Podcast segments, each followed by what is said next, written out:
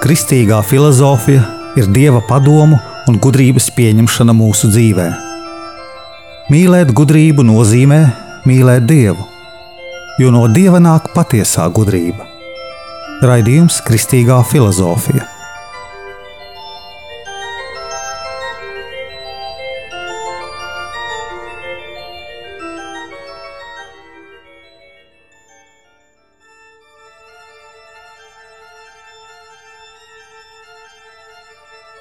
Es esmu Jānis Valtra Vitsenheims, un ar jums ir 78. raidījums Kristīgajā filozofijā.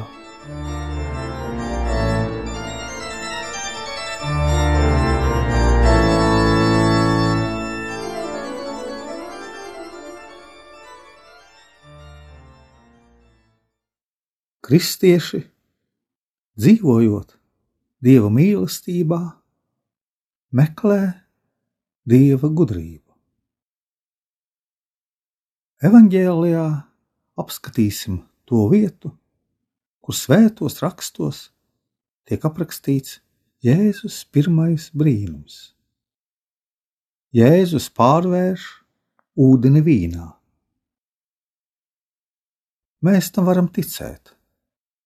Mēs ar to nesaskaramies. Tas bija kaut kad sen, divi tūkstoši gadi atpakaļ. Bet tā Jēzus pārvērst var arī vīnu asinīs, piepildītajā biķerī. Bieži cilvēks, ieejot liberālajā pasaules uzskatā, atmet kristīgo pasaules uzskatu. Cilvēkam sāk šķist, ka šī brīvība ir īstā, patiesā. Tādēļ, ka viņš ir pieradis būt ierobežots. Esot mazs, viņš nedrīkst kaut ko darīt, kamēr nepieaugs, un tā ir joprojām. Ik pēc kāda laika papildinās viņa iespējas. Viņš izglītojas un iegūst dzīves pieredzi. Bet Tikai evaņģēlijs ir spēka avots brīvam, neatkarīgam garam. Tādēļ, ka brīvība mums dota garā. Ja cilvēks nesaista savu dzīvi ar Dievu, tad negribēdams kalpo opozīcijai, Dieva pretiniekam vidus ceļa nav. Kas jums liek domāt, ka mēs varam izbēgt no nākotnes? Tā atnāks rīt. Kas jums liek domāt, ka mēs izbēgsim no savas rīcības sekām pilnībā? Šajā pasaulē no kaut kā mēs varam izvairīties kaut kādi mazi darbi paliek nepamanīti. Gan labie, gan sliktie. Varbūt tādēļ arī cilvēks domā, ka visas lietas ir tikai viņa paša rūpes par viņa dzīvi.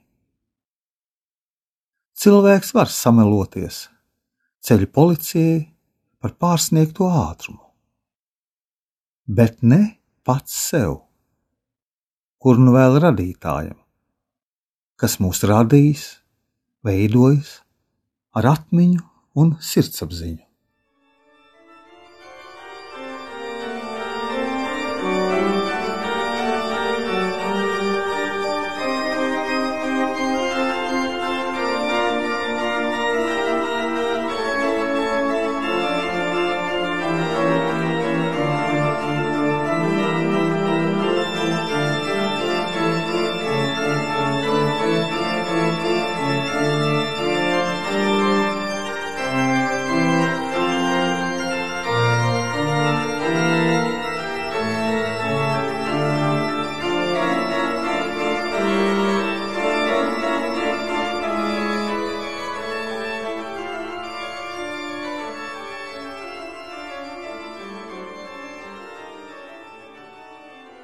Dievs eksistē ārpus laika, ko mēs nevaram izprast. Dievs, eksistējot ārpus laika, zina to, kas notiks laikā. Dieva aicinājums ir nekļūdīgs.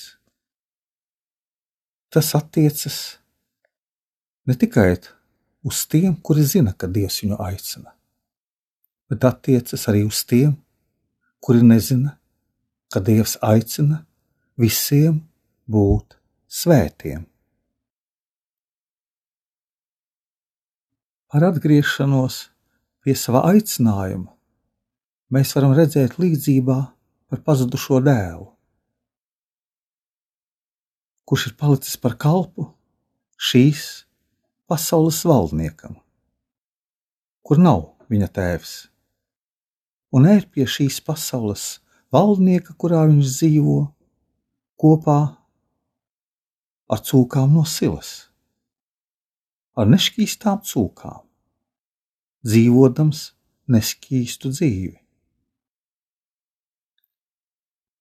Mēs visi vēlamies atgriezties Dieva mierā, priecāties par to mieru, ko Viņš mums dod, kad mēs atgriežamies pie sava tēva, pie debesu tēva, kas visu zina. Bet kā varēja rasties tāds naids laicīgajā pasaulē pret visu baznīcisko? reliģisko un garīgo. Tam ir dziļas saknes. Jēzus par savu sacelšanos mirst pie krusta. Nāvē tiek aizraidīti arī viņa apstuļi. Ja jau augšām celšanās pēcnāves dzīves nav, tad loģika saka: dzīvo, cik jauki un vareni varēdams šo vienu vienīgo dzīvi, kas tev ir. Piektā mūzes grāmata apsola varu šai tautai, vismazākajai no tautām, pāri visām varām, valdībām, valdniekiem. Kungs nodos izrēliešu rokās visus ķēniņus. Nevienam tavā priekšā nebūs pastāvēt, iekams tu tos nebūs izdeldējis, lai tev, Izrēlim, labi klātos, lai tev piederētu un paliktu kunga izvēlētā jaukā zeme. Tu viegli varēsi kunga norādītās tautas pakalpināt, un nav jābūt žēlsirdīgam pret tām. Bet Dievs, zinot nākotni, iejaucas tālāk mūsu domāšanā iejaucas tādēļ, lai mēs saprastu viņu vairāk.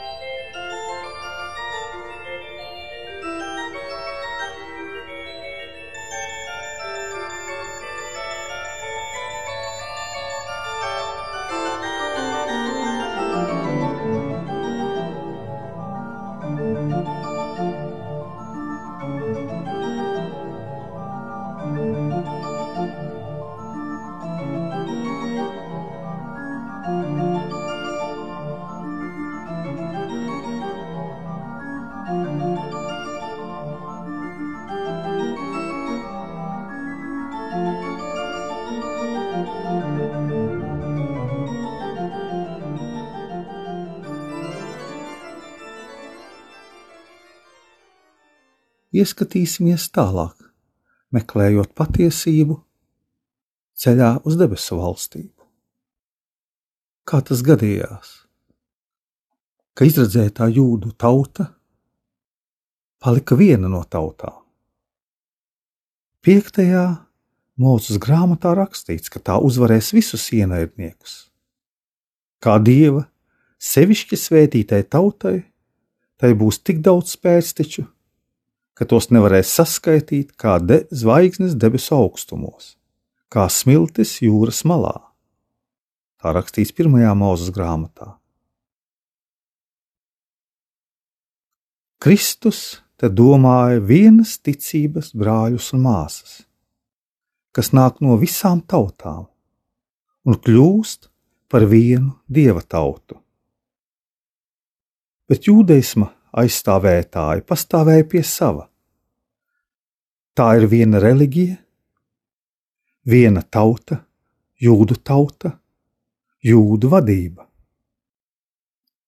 Kad 19. gadsimtā jūdu reliģiju sāk uzskatīt par vienu no konfesijām, atļaujot jūdiem integrēties ar tautām, kur tie dzīvoja, jūdu vidū radās krīze, kas ir turpinājusies un joprojām attīstās līdz pat mūsu dienām, sevišķi sakarā ar Izraēlas kā valsts nodibināšanos. Jēzus Kristus, krusta mīlestības, neapstarota, pārprasta dievticība, kuras pamatos ir vienas tautas izvēlēta, vai vieg, var viegli izvērsties par drausmīgu kundzību, ko skaidri apliecina vēsture no vecās darbības laikiem līdz pat mūsu dienām.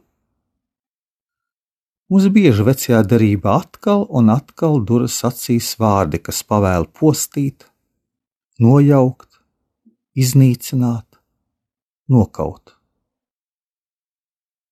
Mūzes bauslībā mums pavēlēja nomētāt ar akmeņiem, bet Kristus likumos ir izglābt cilvēkus.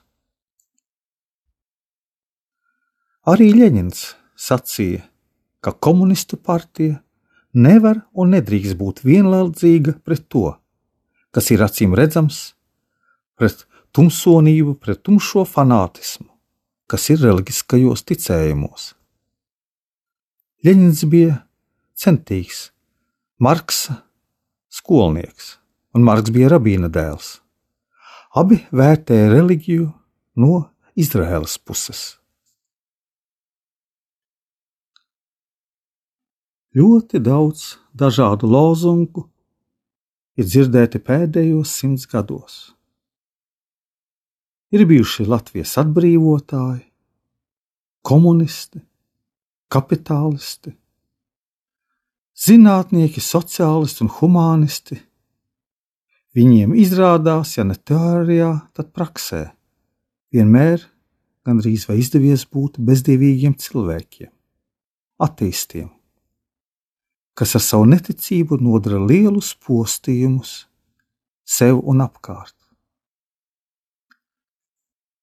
Arī kad viena konfesija neatzīst otru, un tāpat konfesijā kritizē viens otru, jau tūlīt mēs jūtam, ka tur nav dieva mīlestības. Tur nav tās vienotības, kādā dievs mūs radījis. Tur nav eukumēnisma. Bet sākās viss tik lieliski, ka ir viens dievs, viens kungs, kas ir lielāks par visiem citiem cilvēku darinātiem dieviem. Tā ir tā vienotība kas vajadzīgi visiem ticīgajiem, un filozofiski mums jāizprot, ka tiecoties pēc patiesās mīlestības gudrības, mums jābalstās uz kopīgo. Gan savā ģimenē, turoties pie patiesības, gan savā vidē, gan savā konfesijā, gan savā valstī mums jāturās pie vienas kopīgas patiesības, patiesā, vienīgā Dieva.